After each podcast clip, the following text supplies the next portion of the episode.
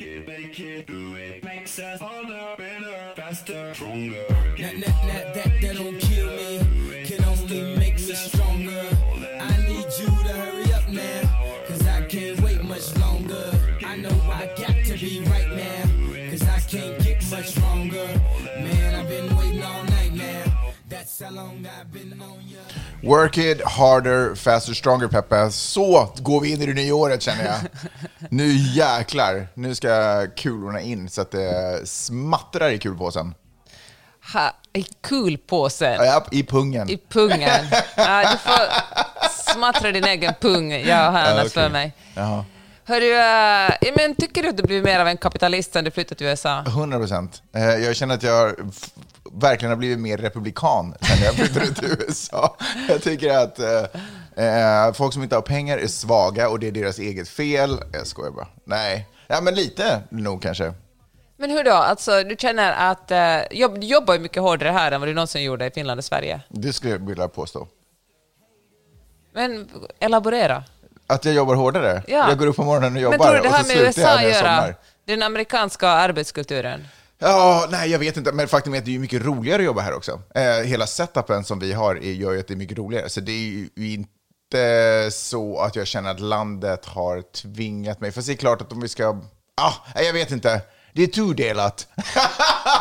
Får verkligen sluta. Så svårt att säga någonting dumt så säger du på finlandssvenska. ja, nej, men man jobbar väl hårt, men vad kan säga? Men det gör väl alla på sitt sätt. Jag vet jag. Ja. Men vad säger du, ska vi tala om vad du ser fram emot 2022 i Det ska vi absolut göra. Och så ska vi prata om eh, vad som har hänt under året. Lyfta upp lite highlights. Eh, jag tror att det kan bli ett bra avsnitt, Peppe. Är du med? Jag vet inte det. Cause I can't wait much longer.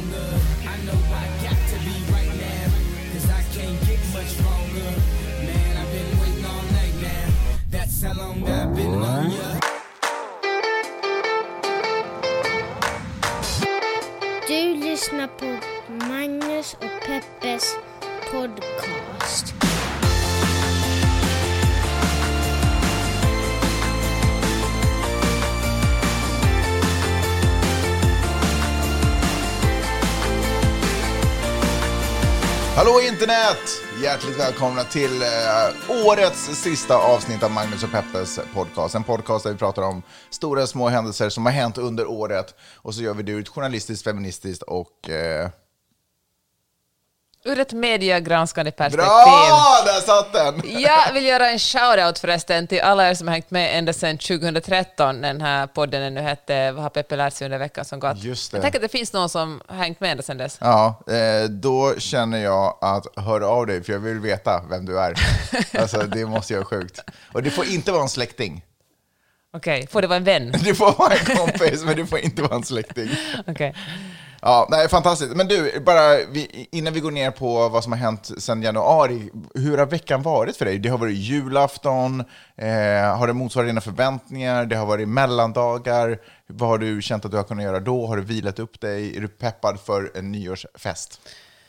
Hör du, jag kände den 23 december att... eh, jag säger inte att jag gick in i en vägg, för det gjorde jag verkligen inte, men det var något som bara sa stopp i mig när jag skulle jobba. Jaha. Jag stod och skrev en artikel. är det inte men... det den berömda väggen? Nej, jag tror den berömda väggen har någonting annat för sig. Nu var det bara någonting, jag kunde bara inte jobba. Det. Men kan det vara så att den här berömda väggen ter sig olika för olika människor? Eller är det, är det en fysisk vägg som dyker upp som alla kan säga att jag har sett den?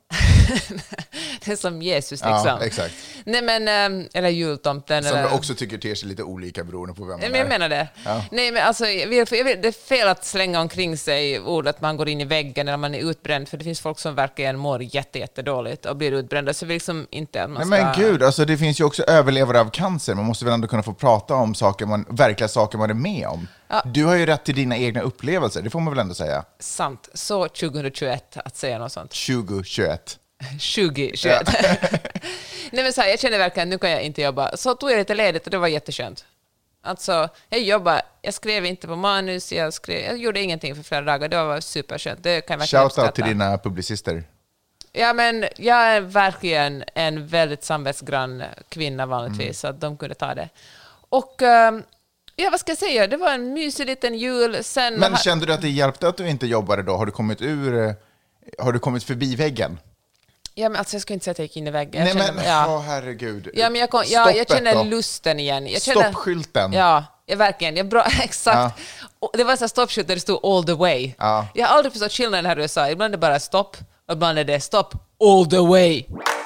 Är det så att det räcker Vad med... var stop all the way? Det har jag aldrig sett. Vad- Det står, ibland finns det bara så vanliga stoppskyltar som man har i Norden också. Ja. En röd med vit Ja. text. Och ibland står det en text under den det står all the way. Jaha, jag vet inte. Ja, du skiter i vilket. Ja, ja verkligen.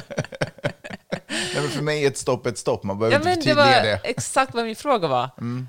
Hur som helst, så... eh, Nej men, ja, sen har jag skrivit mitt romanmanus. Det blir en jättebra bok, känns det nu Vad som. roligt. Alltså, och jag... Och tänk- Framförallt roligt för någon som ska läsa den. Ja, verkligen.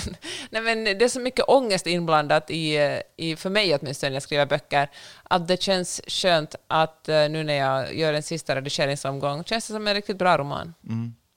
Och eh, nej, det var det bra. All, det, det var meningen att jag skulle uppe i Topanga och ha gäster och rida hela veckan, men så regnade det så mycket att det inte hände. Vad har du för relation till regn här i Kalifornien? Jag känner mig lurad. Jag flyttade inte till Kalifornien för att uppleva regn. Nej, jag fattar. Och sen fattar jag, ja, det är bra för naturen och så vidare och så vidare, men eh, ja, jag vill ändå säga det, jag tycker inte så mycket om regn. Ja, jag tycker att det är supermysigt. Jag tycker att det var, eftersom eh, snö inte var att vänta, så tänkte jag att under julen så här är ju regn the next best thing.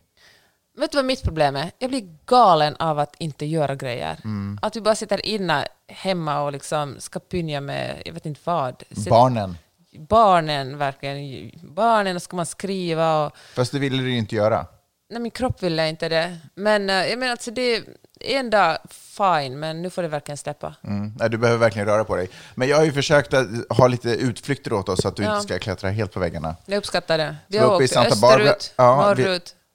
Vänta, öster, ja just det, österut eh, mot Big Bear-hållet fast vi inte kom riktigt hela vägen. För att när man kommer upp till punkten där snö börjar finnas, då lägger alla bilar framför den till vid eh, vägrenen och sätter på kedjor. Och sånt skit hade inte vi, så det var bara att göra en U-sväng och åka ner igen. tänker, det är en sorts härskarteknik att de gör det. Ja, att få oss andra att känna oss osäkra. ja, exakt. Och det funkar. Ja, det funkade verkligen. Så vi gjorde en U-sväng då och så åkte vi tillbaka alltså i regnet. Eh, men eh, verkligen mysigt. Och sen så åkte vi till Santa Barbara. Det kan jag verkligen rekommendera om ni är här och hälsar på. Ta en tur till Santa Barbara, ta ungefär två timmar att komma dit. Gå omkring lite i innerstaden. Supermysigt. Har varit i Santa Barbara flera gånger, men aldrig liksom, promenerat in i stan. Verkligen rekommendera. Ja, Men jag tycker att det var mysigt. Jag tycker det har varit så härligt att det har regnat. Det har tagit bort massa pressure på att göra saker. Eh, man har kunnat bara sitta och gosa in sig, kolla på Matrix kvadrologin numera. Okej. Eh, och njuta av tv-serier och spela lite schack med kompisar på andra sidan Atlanten.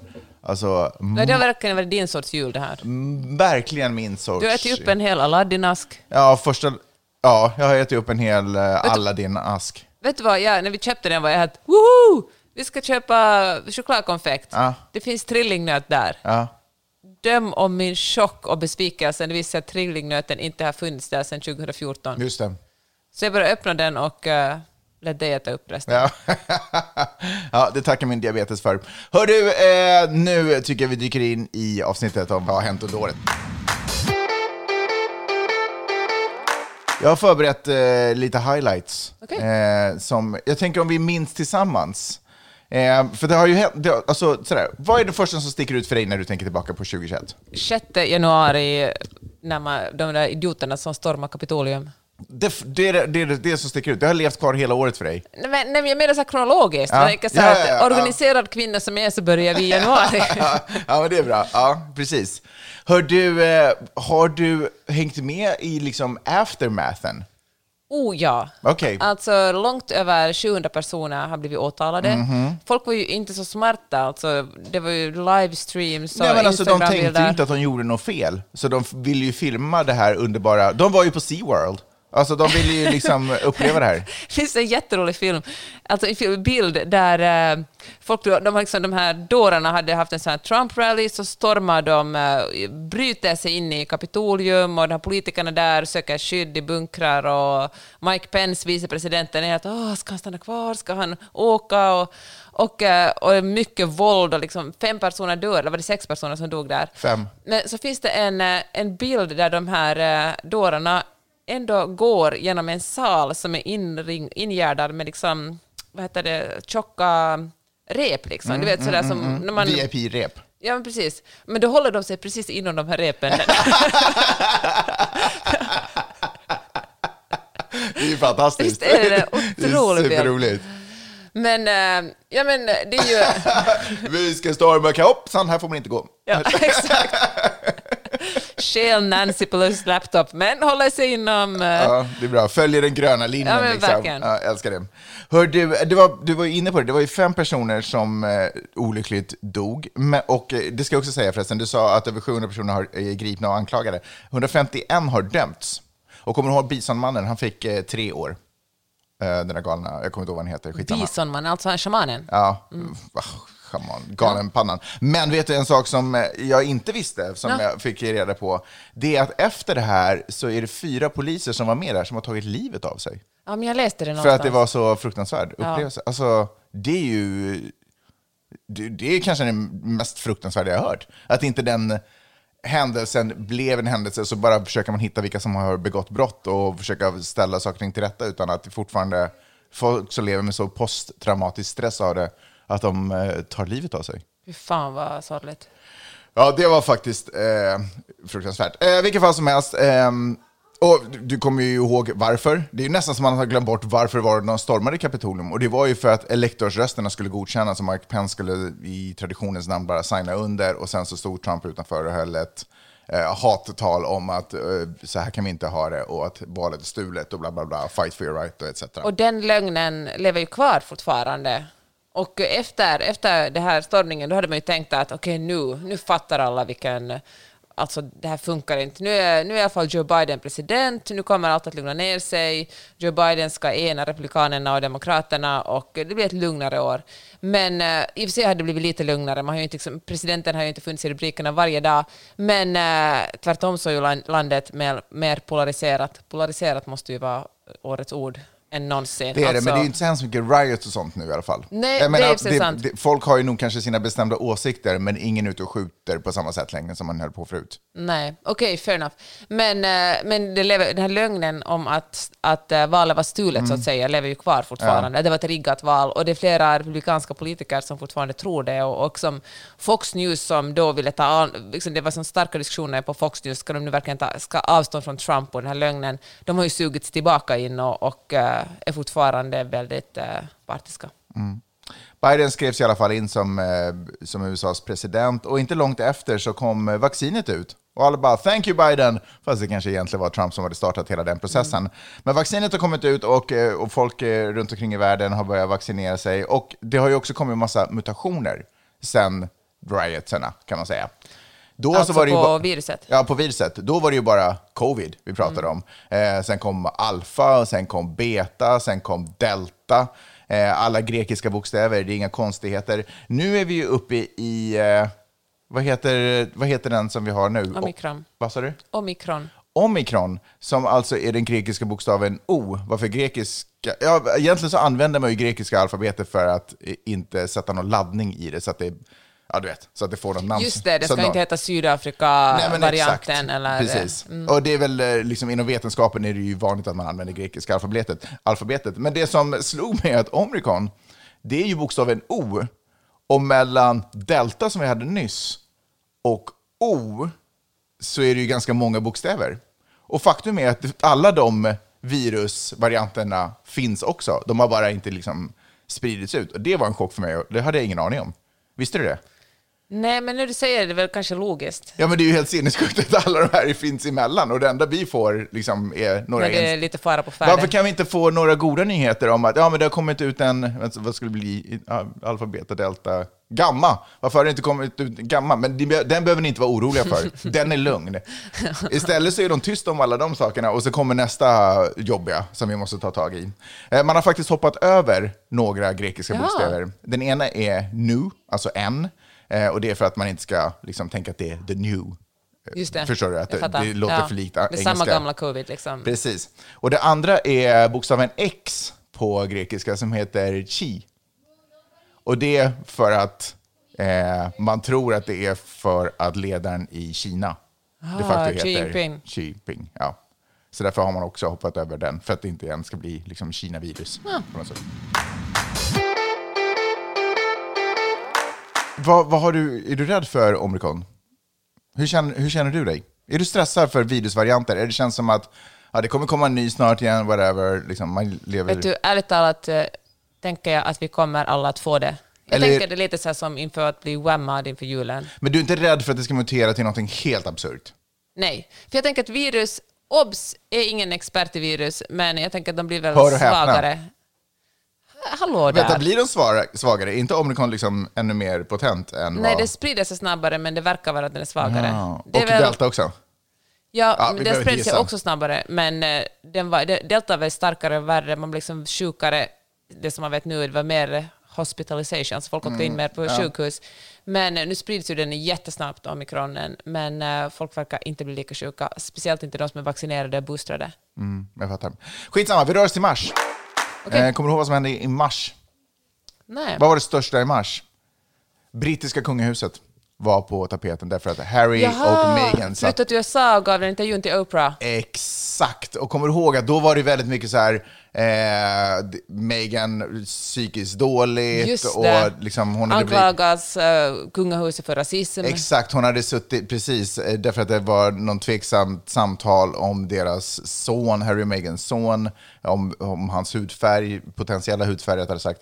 Eh, det var också snack om att hon hade suttit ensam på sitt eh, prinsessrum och tittat på Lilla Sjöjungfrun och insett, åh herregud, det är ju jag. Jag är också en prinsessa inlåst i, en, i en värld. Nu när det där har landat, för det var ju väldigt mycket starka känslor, och herregud, vis, vi visste att vi visste att brittiska kungahuset var rasister och eh, störtade det, och stackars Meghan. Var, var är man nu med Meghan? Jag tror man gillar henne. Tror du det? Ja, det är lätt att gilla henne. Ja. Alltså jag tror att hon eh, kom ut på rätt sida av den krisen. Alltså, ja, precis. Eh, Du menar i allmänheten, sådär. Ja. Men eh, för mig I perso- kungahuset då? Nej, men det, nej, nej, nej, jag menar för mig personligen.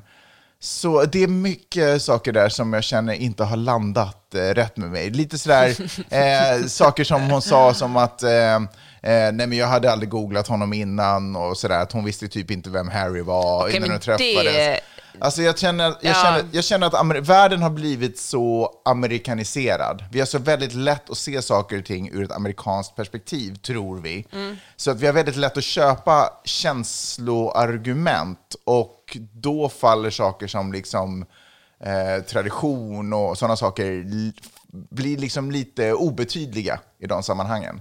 Eh, så jag känner kanske att... Vänta, vadå tradition? Vad menar du? Nej, men, eh, brittiska kungahuset är Alltså ju... det råkar vara tradition att vara rasister där och då får man bara acceptera nej, nej, nej, nej, nej, nej, nej, men alltså angående rasistsnacken och Ja. sådär. Men just det där hur, att hon kände att hon vill inte vara, hon vill inte vara, leva efter de här reglerna. Hon vill inte vara sådär, man bara, ja, fast det här är ju liksom... Mm. Det kommer då, paketet. Då finns det andra saker man kan göra i livet. Ja. Förstår du vad jag menar? Och om du inte har liksom researchat på Ja. att vara, hur det är att vara ihop i, Tyvärr, på den tiden så fanns väl inte, när hon träffade Harry, när Harry mötte Sally, så då fanns väl inte dokumentär om prinsessan Diana. Men hon hade ju bara kunnat kolla på en sån för att veta hur det är att vara i det brittiska Gud, klart det kungahuset. fanns dokumentärer Jo, om... det gjorde det väl i och för sig. Men kanske inte så väl filmade som nu.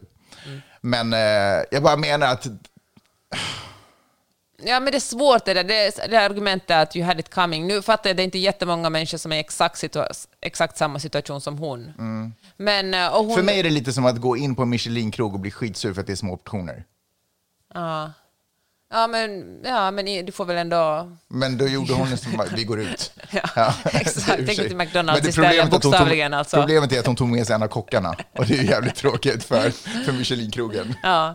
Nej, men vet du vad? Det, bara det att hon gav den där intervjun, när hon och Harry gav den där intervjun till Oprah, tänka, jag fick mig att tänka på en artikel som jag läste i kanske Vanity Fair för någon, några veckor sedan, som handlar om eh, kändisar som ger intervjuer och vem som egentligen eh, tjänar på det. Mm. För att eh, Oprah tjänar ju såklart jättemycket på den här intervjun och det gjorde också både, Såklart. både Harry och uh, Meghan för, för att de... eh, alltså det blev, det blev viss uppståndelse, men de fick berätta sin historia och de fick, de fick en intervju utan liksom skjutjärnsfrågor. Mm. Oprah är ju en bra intervjuare, men hela Men hon är överenskommelsen... underhållningsintervjuare. Överenskommelsen är att det ska här vara en feel good intervju Mm. Ja, exakt. Och det här, så de som egentligen förlorar på en sån här diskussion är tittarna, Mm. eftersom det inte riktigt är, det är liksom lite PR. Och eh, det gäller väldigt många kända människor, som superkända människor. Så som, det var, var det Vogue som Beyoncé, någon av de stora modetidningarna, där hon skrev sin egen intervju med mindre. Hon bestämde själv frågorna. Ja, det är sant. Och eh, alla är ju jättenyfikna på Beyoncé, för Beyoncé ger inte så många intervjuer. Så alla Mm. Det är som Kai Korkeaou har hört. Skriver inte han också sina egna intervjuer? det vet jag ingenting om. Men, eh, men, ja, då, ja, men då liksom blir det ju ändå inte riktigt en intervju. Alltså om man själv bestämmer frågorna och svaren, då är det ju ganska ointressant. Då är det ju PR, det är inte journalistik längre. Nej. Och, eh, så det är de som lyssnar och läser som egentligen förlorar på det, eller tittar som i den här Oprah-intervjun. Och, eh, så det är... Jag vet inte. Och då, skapar, då har man ju möjligheten som intervjuare för att skapa en eh, bild, den bilden som är den man vill liksom visa upp istället för att kanske visa upp den sanna bilden. Mm. Men det är svårt också att göra rättvisa intervjuer när det kommer till människors liv och deras upplevelser av deras liv. För vad hade egentligen en skjutjärns... Alltså skjutjärn känns ju ganska gammalt. Eh, Okej, vad är bättre? En liksom ställa kritiska ställa frågor. kritiska frågor. Ganska obekväma frågor. Det är väl ändå en ganska... Precis, men ponera att det då hade skrapat loss någonting från ytan, en sån fråga. Vad hade det liksom... Då hade de ju bara... Då hade vi bara haft en annan syn av det. Förstår du vad jag menar? Det hade, vad hade det liksom egentligen gett? En Eftersom- djupare förståelse. Det är väl det som... Och jag tänker att ett problem är också det att eh, eftersom när journalister blir kändisar, nu säger jag inte att Oprah är en journalist, hon är som en, en underhållare, Mm. men eh, i hennes intresse är det ju också att verka härlig. Jo. Och en person som ställer svåra följdfrågor eller ifrågasätter ett svar, den, det är inte en härlig bild den här personen får. Och Nej, då det är blir det sant. också problematiskt. Men jag bara menar problematiken att göra, göra en intervju med någon som ska berätta om sitt eget liv versus till exempel om det hade varit tema brittiska kungahuset. Ja, då enough. hade man ju kunnat ha, då hade det varit tråkigt om det bara var inställsamma frågor. Då vill man ju ha lite så här, men vad händer egentligen här? Hur ser du egentligen på prinsens eh, rasistiska uttalanden och liknande? Då skulle man kunna skrapa lite där för att få en bild av brittiska kungahuset. När det gäller deras liv, så oavsett vem man intervjuar så vill man ju bara dela det man vill dela. Fair enough. Det är, faktiskt, det är, helt, en, en, det är helt sant. Men kanske därför det är så ointressant med Ja, personintervjuer. exakt. Alltså, och vilket forum som helst. Jag verkligen... Och jag märker också i poddsammanhang, när jag började lyssna på poddar lyssnade jag på jättemånga personintervjuer, men nu har jag inte gjort det på flera år, för att det, det är sällan det kommer någonting väldigt intressant. Eller gör jag det? Jag lyssnar ju på Sway med Cara Swisher. För Jag tycker att hon är en otroligt bra Mm. Inte på intervjuare. Sway med Sway in the morning. Nej. Nej. Men så här, hon, hon intervjuar folk som liksom Elon Musk eller vet du, Mark Zuckerberg och vågar ställa ganska liksom, hårda frågor. Och, eh, men å andra sidan talar Mm. det de handlar om heller deras inte- professionella- Exakt, det handlar exakt. inte om deras liv. Exakt. Så att, eh, nej, okej, eh, ja, men det, det var en bra intervju i underhållningssyfte. Ja. Det var bra för Oprah, det var bra för Meghan och Harry. Framförallt så var det en lukrativ intervju. Precis. Eh, I juni så dömdes Derek Chauvin för mordet på eh, George, Floyd. Floyd. Och han dömdes till 22 och ett halvt år. Eh, kommentarer? Tankar? Kommer du ihåg den tiden? Jag kommer ihåg det, folk var rädda för att... Att han skulle inte- bli frikänd eller att han skulle få Ja. en fotboja och sitta hemma? Precis. För det var ganska, poliser brukar ju väldigt sällan bli dömda. Så det var ju en, en eh, det visar ju att Black, Live, Black, Black Lives Matter-protesterna hade haft någon slags effekt. Och eh, man var ju också rädd för att om inte han blir dömd så kommer det att bli en ny protestvåg, vilket skulle vara helt Alltså inbördeskrig typ, känns Ja. det som. I och med det här så kändes det också lite som att intresset för eh, Black Lives Matter dog ut. För det hade ju varit ganska mycket på tapeten, alltså det är klart att det lever kvar, men det är inte så att det står hemskt mycket i rubriker i tidningarna nu. Vi pratar inte om det dagligen. Jag menar versus ett år tidigare då det, då det liksom var på ens näthinna ute på gatan här utanför. Hur alla butiker ganska långt efter fortfarande var igenspikade eh, i, i rädsla för att demonstrationerna skulle liksom Ja, plundra. men man kan ju inte, demonstrationer kan ju inte hålla på liksom. Nej, nej, nej, precis. Men eh, någonstans Ja. där också så var det lite sådär rättvisa skipats, nu är lite allting över. Ja, tycker du det? Jag tänker det också för att vi är vita och kanske inte berörs så det är jättemycket dagligen av det. Berätta om en, en, en, eh, nyhet kring Black Lives Matter den senaste tiden. Just den rörelsen. Nej, men jag tänker nu, skriver, nu skrivs det ju väldigt mycket om, om hur svarta människor fortfarande utsätts för rasism. På så sätt, ja. Absolut. Så det kanske, jag tänker att Black Lives Matter handlar väl inte om att branda sig själv, utan det handlar väl om en större rörelse på hur vi ser på människor av annan hudfärg än vit. Mm. Vi eh, har ju hållit på med ett projekt som heter A Million Likes, en podcast som ni verkligen ska lyssna på. Apropå att handla om att folk får berätta sina egna historier. Eh, Helt oifrågasatta faktiskt. Eh, Men det är verkligen superintressant, för det handlar om många kreatörer eller influencers med hundratusentals följare på Instagram som berättar om vad de har varit med om i sina liv. Och en av dem, det sista avsnittet, eller de två sista avsnitten som faktiskt kom ut ja, nu när vi spelar in, men tidigare när ni lyssnar på det här, är, är en eh, man och en kvinna, Steve och Kim, som är uppvuxna i Chicago, i ett ganska inte så sunt område.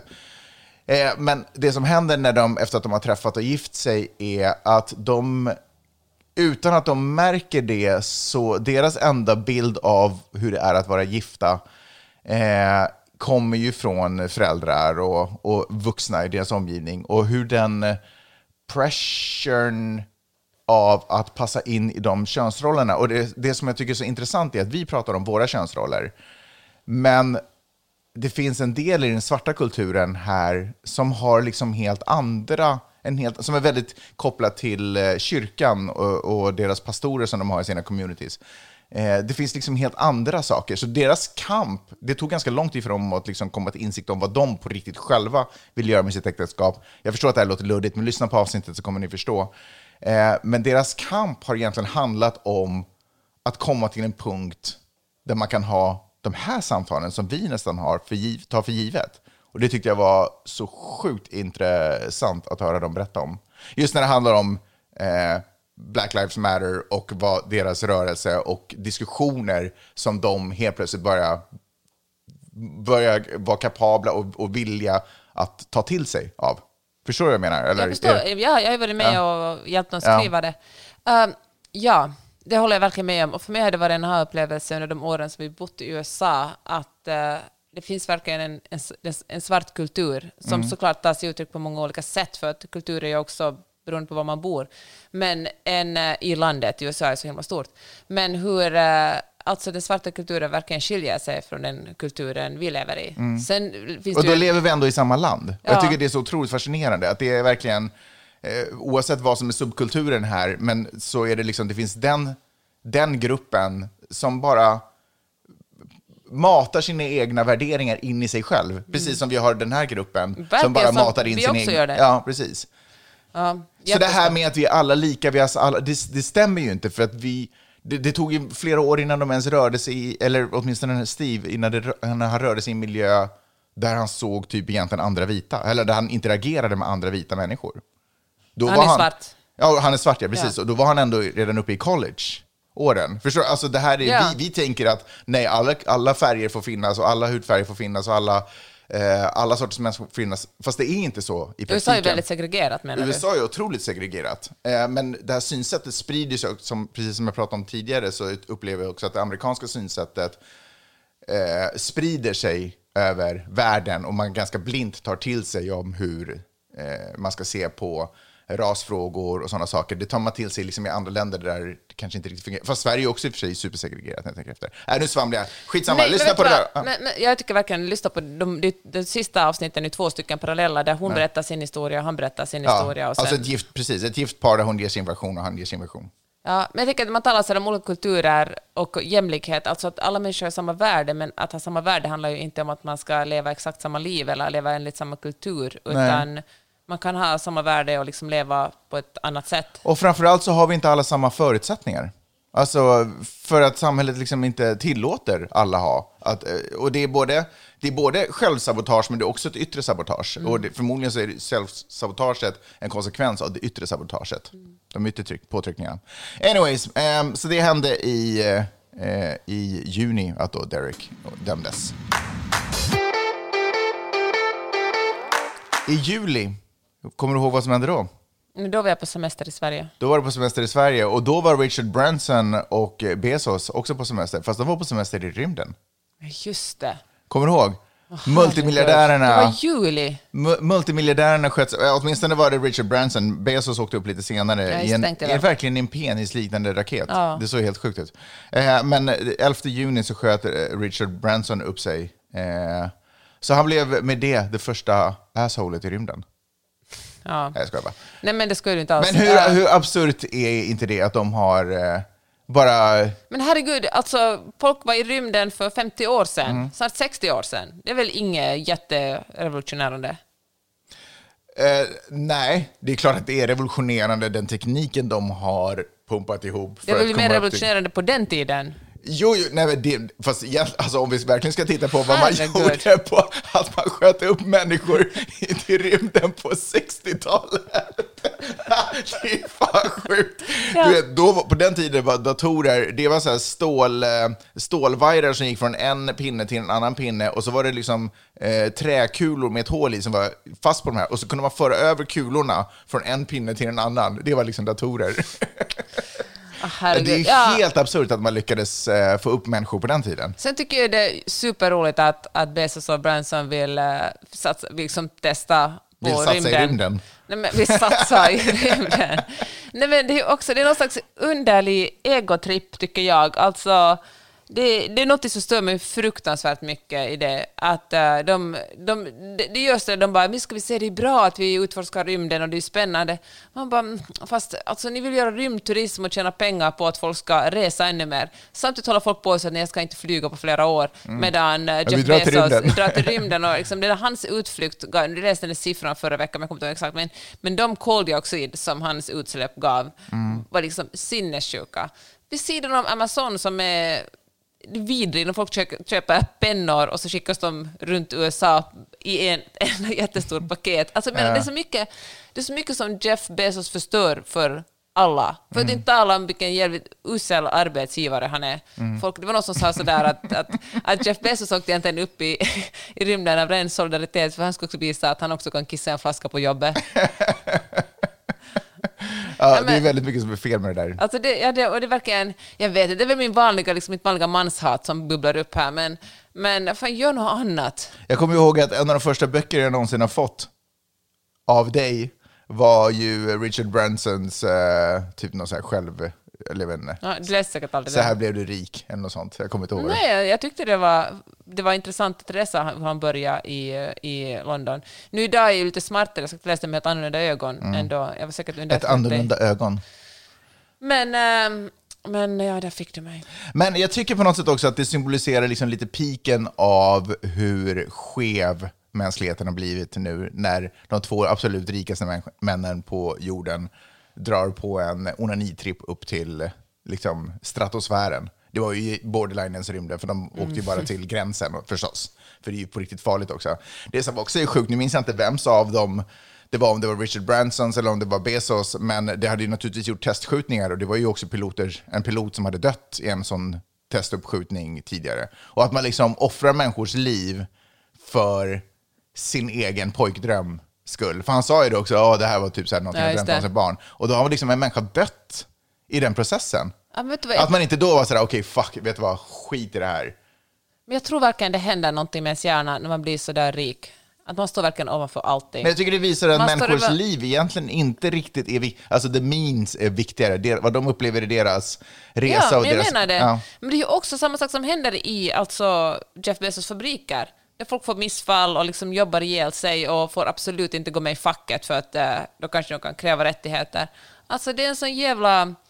Jag läste någonstans som någon sa att, att eh, den här enorma fokus att det viktigaste som, som finns i USA är individen. Alltså individens... eh, Som, en, som individ liksom... Och det där individfokuset är så starkt att allt som handlar om det kollektiva upplevs som förtryck. Att ta hand om varandra upplever man som förtryck i USA. Och det är väl ett, perfekt exempel, de här rymdvärdena. En annan grej som vi lämnar bakom oss det här året, eller tyvärr inte, utan som vi tar med oss in i det här året, är ju abortsituationen i eh, USA. I Texas under det här året så röstades också igenom Eh, möjligheten för folk att bland annat stämma varandra. Eh, om man, om, om, Jag tror inte ens den röstades igenom, utan det var valdes Greg igenom. Abbott som är guvernör som... som bara sa att det här är läget. Eh, man får alltså helt enkelt inte utföra abort efter vecka sex, om jag minns helt fel. Det har väl inte hänt något speciellt där, sen, eller något nytt där som är positivt. Nej, det vill säga att det gick ju, eftersom USA än så länge har eh, kvar fri abort, så togs det upp i högsta domstolen, men högsta domstolen sa att de inte nu kommer att fatta ett beslut på just det. Däremot ligger en annan fråga uppe i högsta domstolen och det är abortlagstiftningen i Mississippi där man vill eh, stifta en lag att abort är förbjudet under vecka 15.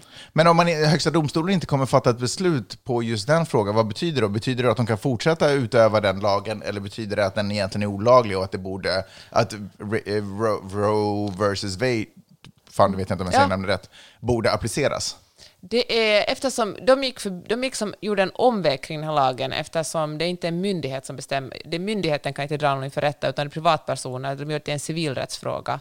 Så privatpersoner kan stämma varandra. Och det är det som gör det konstigt för det, går liksom, det passar inte in i, i, i Roe vs. Wade som handlar om att delstaterna inte har rätt att förbjuda eh, abort. Och, eh, så nej, just nu väntar man istället på att, att högsta domstolen ska bestämma över hur det ska gå i Mississippi. Och är det så att de säger att det är okej för Mississippi, att, eh, alltså delstaten, myndigheterna i delstaten Mississippi, att förbjuda abort efter vecka 15, då betyder det att eh, då omkullkastas Roe versus Wade. Och då betyder det att en massa delstater antagligen kommer att förbjuda abort, för då gäller inte längre den lagen från 1970. Trycket i New Mexico på abortkliniker där har ökat och eh, andra stater som ligger... eh, När, när, kommer, när får vi reda på, när händer någonting? Tidig sommar sen vår kommer högsta domstolen förmodligen att fatta något slags beslut. Apropå eh, just eh, abort, så fan var det i år som man för första gången har hittat, hittat mikroplaster i en placenta? För, alltså ett mänskligt, för ett barn? För en Jag tror man bebis? gjorde det tidigare också. Jag tror att vi alla andas plast. Jo, jag vet, men det är första gången som det har kommit in i en... Alltså, en, alltså att man föds polluted. Att man Jaha, förstår vad jag ja. menar? Att vi, när vi sen blir barn så börjar vi kanske direkt andas in plaster, men att det har kommit med modersmjölken, alltså med placentan redan. Åh herregud. Jag tror att det, jag tror att, ja, eller så var det i slutet på förra året som det hände. Ja, en liten side-note. Eh, underhållningsmässigt, vad sticker ut för dig? Entertainment. Taylor Swift tog tillbaka sin musik. Oj, berätta. Nej, men hon, har ju, hon kände sig lurad av skivbolagen, så hon bara bestämde sig för att ge ut sina sånger, spela in dem på nytt och ge ut dem själv. Och det blev en succé. Alltså, Man är ju väldigt glad för hennes skull. Man är ju väldigt glad. Man har ju inte lyssnat på den. Jag har lyssnat på den. Du har lyssnat på kanske en låt. Okej, jag vill I ingen- bilen och jag var med dig då. Jag är ingen Swiftie kan jag säga, Nej. men jag vill unna henne. Jag tycker det är så coolt så jag har faktiskt försökt lyssna mer på Taylor Jaha, Swift. stödlyssna. Ja. Vi borde sätta på den medan vi åker iväg på utflykter, så sätter vi på skivan att spelas här hemma. Ja. Så att det Nej, liksom men- ändå drar tics. Du är så hård alltså. Man måste inte älska allting som är bra.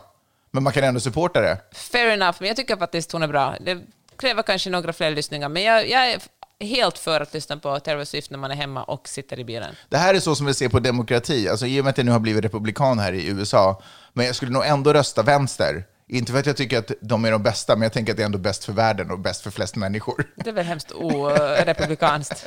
ja, det är väl i och för sig. Eh, jag tänker i alla fall närmast på Squid Game. Jaha! Kommer du ihåg? En, Ja. Kommer du ihåg Squid Game? Ja, det T- kunde varit 2013. TV-serien som, nu ska vi se om jag får det här rätt. Det var årets Tiger King. Det var det verkligen. Eh, Och Tiger King kom också ut i och för sig, fast en andra säsong. Men eh, Squid Game var alltså tv-serien som fick föräldrar att panikera när barn lekte barnlekar. Eller hur?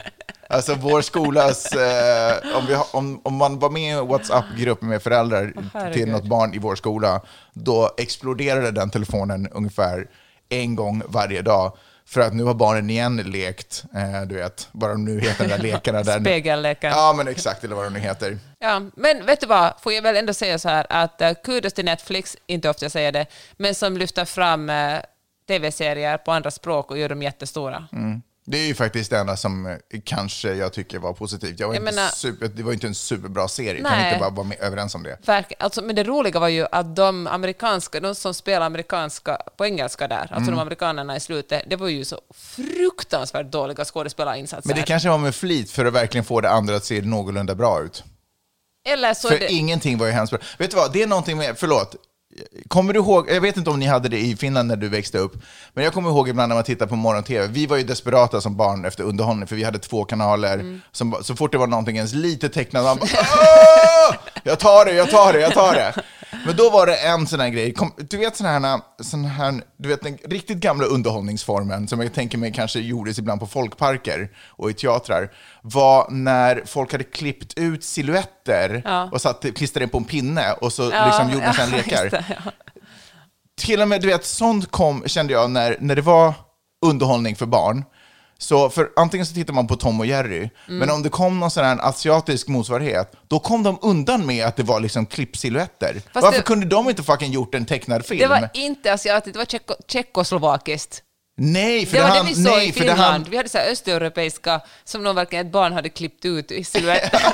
nej, men det här var absolut... limmade på glasspinnar och höll dem upp framför kameran. Nej, jag kommer absolut, absolut ihåg att det här var kinesiskt, för det, var, det handlade om en sån här appojke som skulle fightas med några drakar, och, och allting var liksom bara silhuetter. Det, det var inte ens färg. Det var liksom en mörk lila eh, sån här papper som man kunde se igenom, och så var det svarta, man såg pinnarna till och med. Av ren man, såg den där, man såg borderline händerna som hade pinnarna. På något sätt så är det som att, jag vet inte om det här är, alltså gud, det här låter ju sjukt rasistiskt, men det är ju som att, bara för att det är asiatiskt, då är vi okej med lite, är det för att vi liksom inte riktigt förstår Man ska aldrig fortsätta en mening som börjar sådär. Och gud, det här låter ju sjukt rasistiskt. Jag bara menar att den här kvaliteten, hade det varit på engelska, hade ingen tittat på det. Vet du hur mycket skit som du tittar på på engelska? 4 oktober, kommer du ihåg den mörka dagen? 4 oktober. Gud, jag gillar, det här, jag gillar den här leken, men jag vet inte vad som hände den 4 oktober. Du om någon var säkert lite skärrad. Oh, ge mig ett till... Uh, Facebook och Instagram ligger nere i sex timmar. jaha, men, Nej, det var inte ens sex timmar, det var bara några timmar. jaha, men vad fan, vem bryr sig om Facebook? Nej, men Insta, alltså, bolaget ligger nere. Meta menar du? Nej, Nej, ja, inte då. Jaha, just det. Okej, det var ju jobbigt. Och det här var ju i samma tidpunkt som den där uh, visselblåsaren, vad heter hon? Frances Haugen. Haugen eh, går ut och säger att Facebook är ett dåligt företag. Mm. Alla bara "Åh!" Ja, det, det var ju väldigt... Jag lyssnade på en jättebra intervju med henne, också Cara Swisher is Way, Mm. alldeles nyligen, där hon sa att hon kommer att outlast uh, Zuckerberg. Hon Jaha. bara, jag har varit med om det värsta, jag blivit så gaslightad, folk har liksom varit så galna mot mig. Jag kommer, att, jag kommer att stå när han ligger på knäna. Oj då. Det tycker jag var roligt. Kommer han någonsin ligga på knäna då? Alltså jag vet inte, men hon, alltså jag tror att han är ganska stressad. Alltså jag, jag tänker så att när man talar om olika människor, vare sig det är Jeff Bezos eller eh, Zuckerberg eller Elon Musk, så tror jag inte de är onda rakt igenom. Alltså världen är inte så där eh, the axis of evil och the axis of goodness, utan folk är en massa saker.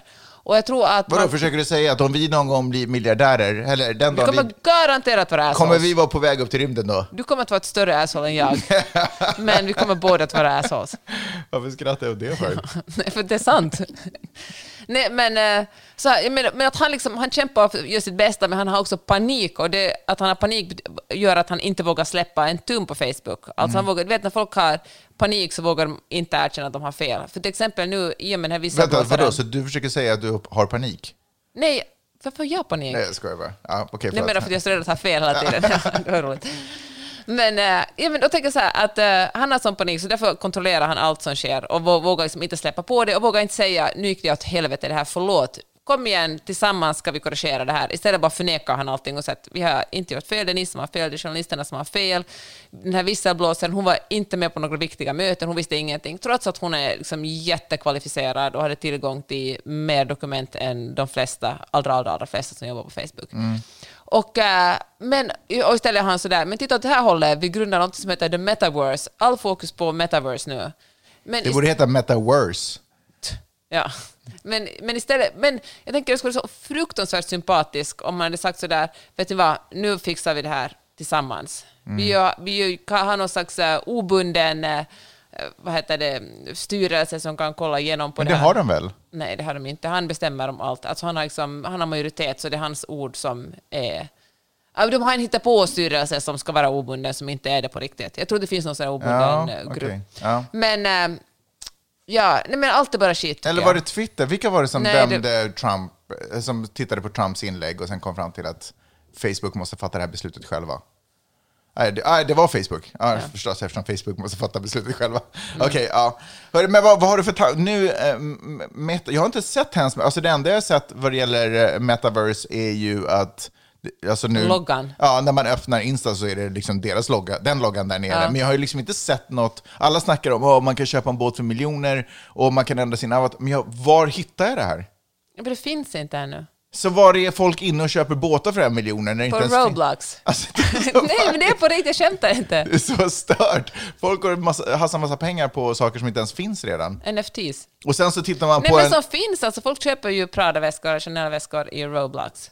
Och Jo, Roblox, men vi modehus, snackar ju om eh, metaverse nu. Ja, men det är bara en idé för att alltså, det finns inte ännu. Det finns ju reklamfilmer om det. Ja. Där Mark Zuckerberg står det och som en väl... trailer på en film du vill se. Där- Ja, USAs flaggor. Jo, men grejen är när det finns en trailer på en film så det finns filmen. För att man, det är därifrån man får materialet till trailern. Men här ser man ju liksom reklamfilmer på Metaverse där Mark Zuckerberg står och väljer en snyggare version av sig själv eh, och liksom som avatar och du vet, går omkring i något drömlandskap med sjöutsikt. Men så finns inte det här. Det är så konstigt. Och vad är tanken? Ska vi alla gå omkring och ha så här Oculus-glasögon på oss för att se det här? Eller vad? Det var någon journalist som gjorde det, alltså en, jag vet inte om det var Wall Street Journal-journalist eller någon av de här som testade, levde ett dygn. Så det finns? Nej, men hon testade bara hur det är att leva, för det finns ju andra paralleller. Ja, ja, mm. Alltså, Ja, metaverse är väl mer ett koncept, alltså, Ja. tanken är väl den att det ska bestå av många, att det är inte bara Facebook, fast Facebook ska bestämma allting. Mm. Men underförstått. Men att det är massa man ska föra ihop, Snapchat och Roblox och liksom var nu folk hänger. Mm. Fan, eh, Fortnite. Och, eh, och sen ska man eh, träffas i en värld som heter The Metaverse. Ja, det kommer säkert alla andra företag vara superintresserade av. Ja. Att lägga sig in under Facebooks parasoll. De bara, men vi bygger strukturerna så kan ni Fucking hänga på. umbrella company. Okej, ja. Och, eh, ja, och det är väl det som är tanken, att vi vill tillsammans... Nu hade just den här journalisten, då gjorde hon ett test där hon hade på sig, där hon i praktiken hade på sig en Oculus i 24 timmar. Det går ju inte att leva så. Nej, men det var ju typ det som Vidde sysslade med vissa dagar. Alltså Ja. det kändes inte så inspirerande. Hon bara, och sen spelar jag, hon spelar till och med, fan heter Beat Saber. Ja. Och uh, höll på med sådana saker som, det var, det var... Men man kan ju, ja, okej. det, det går att göra det, alltså på ett sätt finns ju metaverse nu, men inte just det metaverse som, som Mark Zuckerberg Ja. pratar om. Men det som, ja. Men grejen är, för man måste ju ändå lämna metaverse när man ska göra... Kissa. När man ska bajsa, när man ska kissa, när man ska tvätta sig. man ska äta. När man ska äta. När man ska göra de här vardagliga sakerna som man egentligen vill undvika. För med, alltså man vill ju undvika vardagen, det är väl därför man går in i metaverse. Men sen, det är ju alltid vardagen som tar tillbaka en. Fast det är också, på ett sätt är det också en helt logisk fortsättning, för att om man tänker på hur mycket vi, åtminstone jag, inte du lika mycket, stirrar på telefonen nu, hur mycket vi finns liksom på Instagram och TikTok och på andra ställen jämfört med bara för tio år sedan, så lever vi ju en jättemycket större Mm. Fast del vet av du våra liv Det är nog där. ändå skillnad att window-shoppa än att flytta in i en butik. Ja, men jag tänker att det nästa steg från window shopping är att man går in i butiken. Jag vet du vad? Jag tror nästa steg är att gå ut i naturen. Jag tror inte Ja, på det det. har du sagt förut. Jag Ja. hoppas det. Man blir ju, jag läste en artikel, typ DN, något sånt, där det, vilket vi, en dag, såklart det är så, men man blir verkligen lycklig av att vara ute i naturen. Ni vet vad ni hörde det först.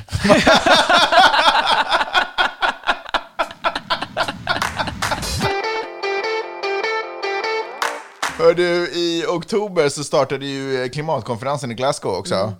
De kommer inte fram till någonting va? Eller? Jag hörde aldrig något. Att så här, nu är det nya, åh vad lyckat. Det känns som att Vi kämpar på liksom, Ja, det- mest. det känns som att de gick in, eh, Biden och några andra ledare höll stora tal. Och sen bara, Xi Jinping kom aldrig för att vad det är inte viktigt för Kina. sen då? Hallå? Alltså, det där är ju bara, jorden är ju fucked. Apropå jorden är fucked, den här tv-serien, eller förlåt, filmen eh, Don't look up. Don't Look Up, som du älskar. Nej? Jag tyckte den var superrolig. Ja, Det- men jag, tyckte den var, jag, jag står för det, jag tycker den var jättebra. Ja, men får jag bara säga så här, jag tyckte att den var superrolig också, men skrattet fastnade i halsgropen, Ja, därför att den var för äh, verklig för mig. Ja. Alltså jag kunde inte, alltså det går ju inte, jag kunde bara, alltså, det, du vet, det är en komet på väg mot jorden och de försöker få folk att fatta det genom att göra en rolig film om det. Förstår vad jag menar? Ja. Du pratar ju metaverse här. Ja. Eh, och de försöker göra en rolig film för att få oss att fatta, men det, är ro, det är också så, så sjukt deprimerande att vi måste försöka skratta åt någonting vi borde göra någonting åt. Jag vet, jag tänkte också, vi är Alltså- en del av problemet eftersom vi sitter och skrattar åt en film trots att vi vet Ja, att för jorden... vi känner oss träffade av filmen, men vi är på riktigt på väg att bli träffade av en komet. Samtidigt på läser man rubrik, eftersom vi ändå kollar på telefonen men vi kollar på filmen ser man att det där jättestora glaciären igen på Antarktis, Ja. the Doomsday-glaciären håller på att det är så mycket varmt vatten som åker in under den som kommer att lossa. Ja, alltså kometen är ju då alltså metafor för klimatkrisen, Ja. kan vi bara vara Ifall någon missade. Ifall någon missade. Ja, nej men uh, Meryl Streep spelar någon slags kvinnlig version av Trump och Jonah Hill gör ju en jätterolig version av, av hennes son, Ja. alltså Trump Jr. Jag tycker att han är fruktansvärt Men den är, alltså, det är ju verkligen roliga dialoger, men den är bara så... Den är ju mörk. Ja, Den är bara så mörk och den är så verklig. Och det, var, det var liksom svårt för mig att titta på den, för det... Man blir ju typ rädd. Och det är ju hela poängen, att man ska bli det antar jag. Mm. Men, ja, nej, men så bra film på det sättet. Förresten, på... um, Alltså det var en en jättestora skådespelare, Leonardo DiCaprio, Jennifer Lawrence, Meryl Streep, eh, Jonah Hill och... um, förresten, jag såg en intervju med, på TikTok med Jonah Hill och Meryl Streep.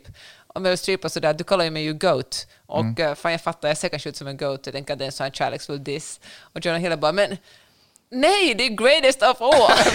Men, vänta, vem sa, vem sa att... Meryl Streep alltså... att Nej, hon hade aldrig fattat. Nej. Att, Hon bara, jag tar det, jag tänkte så här skojar man. ja, om någon kallar dig för go to någonsin, det är en komplimang. Greatest of all time står det för. Just det. Men hörde en annan sak också, fan, jag måste sluta titta så mycket på TikTok, men det, det visar, det är ju en, en, en film med de största skådespelarna i vår tid, kan man väl ändå säga. För greatest några av of dem. Mm. all times. Och eh, så finns det en sekvens där de är, när Jennifer Lawrence har gett upp hoppet mer eller mindre, och hon går och hittar en sån skatekille som hon blir ihop med. Mm. Och eh, då finns det, tydligen har, de, har klipparen varit slarva där, för då finns det en hel sekvens där man ser hela filmteamet som står och filmar dem Va? i själva filmen. Nå, Det är typ tre eller fyra bilder. Det går ju så snabbt, men det var någon som har tittat på den här filmen i verkligen super slow motion. Som är såhär, wait a minute. Nej, shit. Ja, för vi märkte inte det heller. Eller Nej. jag märkte inte det. Nej. Ja, Okej, kolla. Ett litet Easter egg där så ni kan Mm. eh, kolla upp. Hör du, eh, ja, ungefär där är vi. Okej. Vad förut- förutspår du? Alltså det var hela året? Ish, kan du säga Okej. det? Vi såg ju den här filmen i förrgår, så att jag tänker att det... så, där, så där slutade vi.